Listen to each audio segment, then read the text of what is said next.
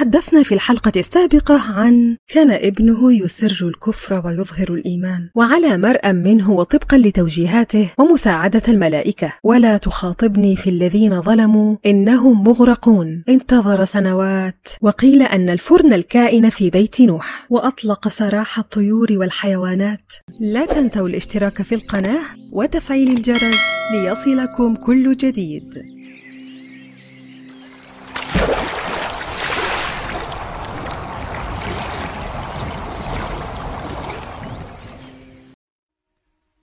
قصة إبراهيم عليه السلام. هو أحد أولي العزم الخمسة الكبار الذين أخذ الله منهم ميثاقا غليظا. وهم نوح وإبراهيم وموسى وعيسى ومحمد بترتيب بعثهم. وهو النبي الذي ابتلاه الله ببلاء مبين بلاء فوق قدرة البشر وطاقة الأعصاب.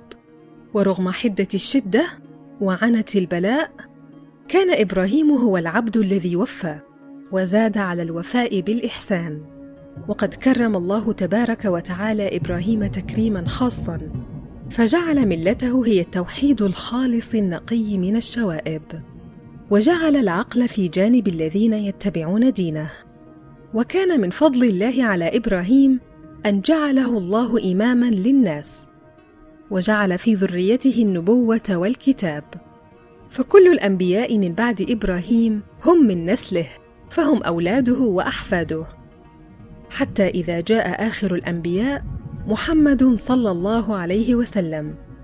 جاء تحقيقا واستجابة لدعوة إبراهيم الذي دعا الله فيها أن يبعث في الأميين رسولا منهم. ولو مضينا نبحث في فضل إبراهيم وتكريم الله له فسوف نمتلئ بالدهشة. نحن أمام بشر جاء ربه بقلب سليم. انسانا لم يكد الله يقول له أسلم حتى قال أسلمت لرب العالمين. نبي هو أول من سمانا المسلمين. نبي كان جدا وأبا لكل أنبياء الله الذين جاءوا بعده. نبي هادئ متسامح حليم أواه منيب. يذكر لنا ربنا ذو الجلال والإكرام أمرا آخر أفضل من كل ما سبق. فيقول الله عز وجل في محكم آياته واتخذ الله إبراهيم خليلا. لم يرد في كتاب الله ذكر لنبي اتخذه الله خليلا غير إبراهيم. قال العلماء الخلة هي شدة المحبة وبذلك تعني الآية واتخذ الله إبراهيم حبيبا فوق هذه القمة الشامخة.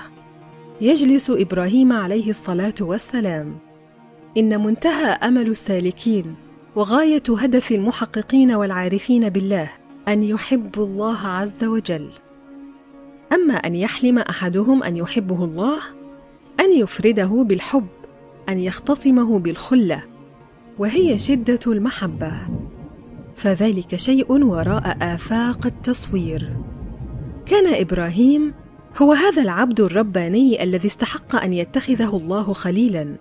لا يتحدث القرآن عن ميلاده أو طفولته ولا يتوقف عند عصره صراحة ولكنه يرسم صورة لجو الحياة في أيامه فتدب الحياة في عصره.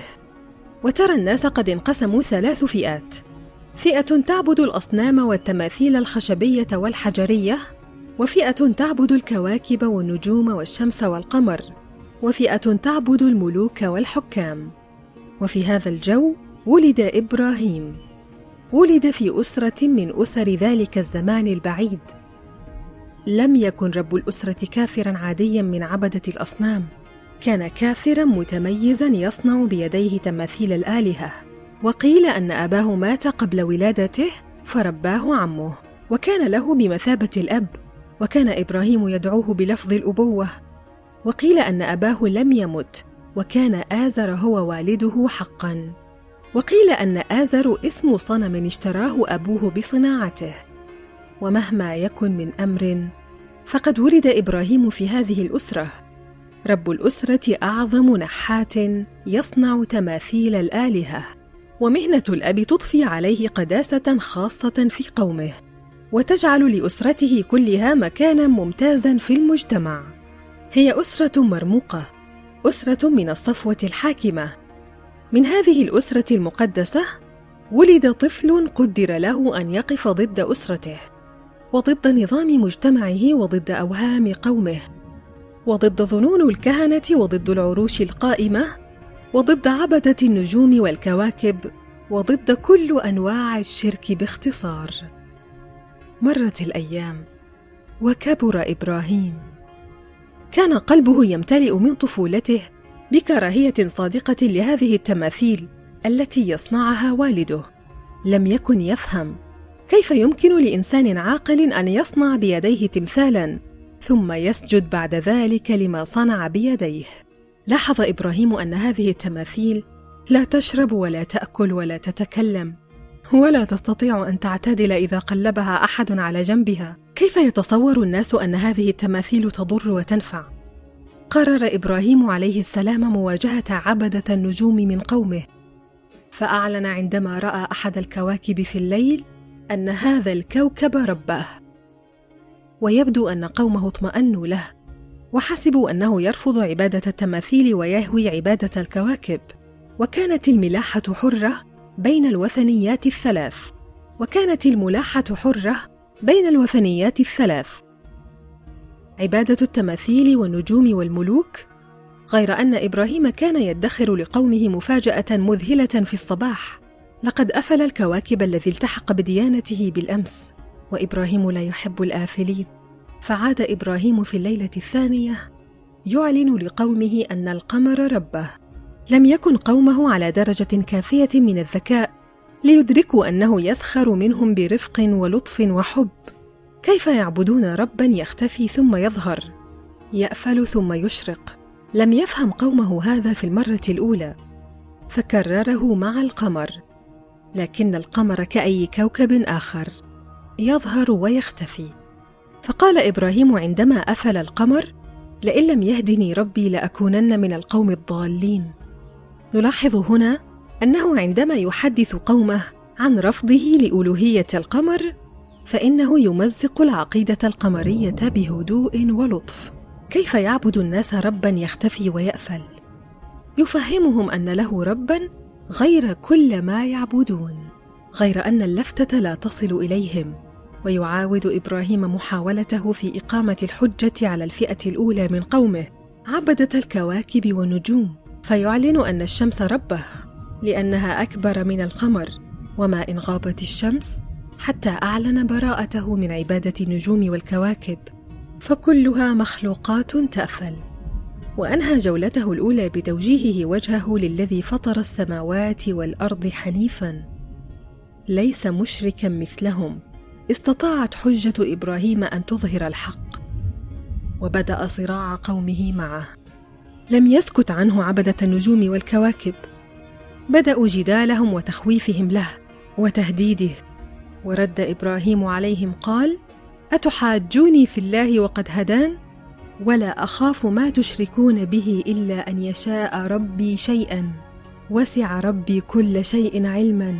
أفلا تتذكرون؟ وكيف أخاف ما أشركتم؟ ولا تخافون أنكم أشركتم بالله؟ ما لم ينزل به عليكم سلطانا فأي الفريقين أحق بالأمن إن كنتم تعلمون. لا نعرف رهبة الهجوم عليه ولا حدة الصراع ضده ولا أسلوب قومه الذي اتبعه معه لتخويفه. تجاوز القرآن هذا كله إلى رده هو. كان جدالهم باطلا فأسقطه القرآن من القصة. وذكر رد إبراهيم المنطقي العاقل كيف يخوفونه ولا يخافونهم؟ أي الفريقين أحق بالأمن؟ بعد أن بين إبراهيم عليه السلام حجته لفئة عبدة النجوم والكواكب استعد لتبيين حجته لعبدة الأصنام. آتاه الله الحجة في المرة الأولى كما سيؤتيه الحجة في كل مرة. سبحانه كان يؤيد إبراهيم ويريه ملكوت السماوات والأرض لم يكن معه غير إسلامه حين بدأ صراعه مع عبدة الأصنام. هذه المرة يأخذ الصراع شكلا أعظم حدة. أبوه في الموضوع. هذه مهنة الأب وسر مكانته وموضع تصديق القوم وهي العبادة التي تتبعها الأغلبية. لا تنسوا الاشتراك في القناة وتفعيل الجرس ليصلكم كل جديد.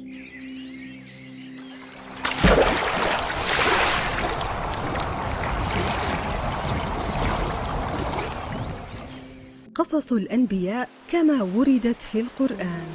لا تنس مشاركة القصة لتعم الفائدة فالدال على الخير كفاعله.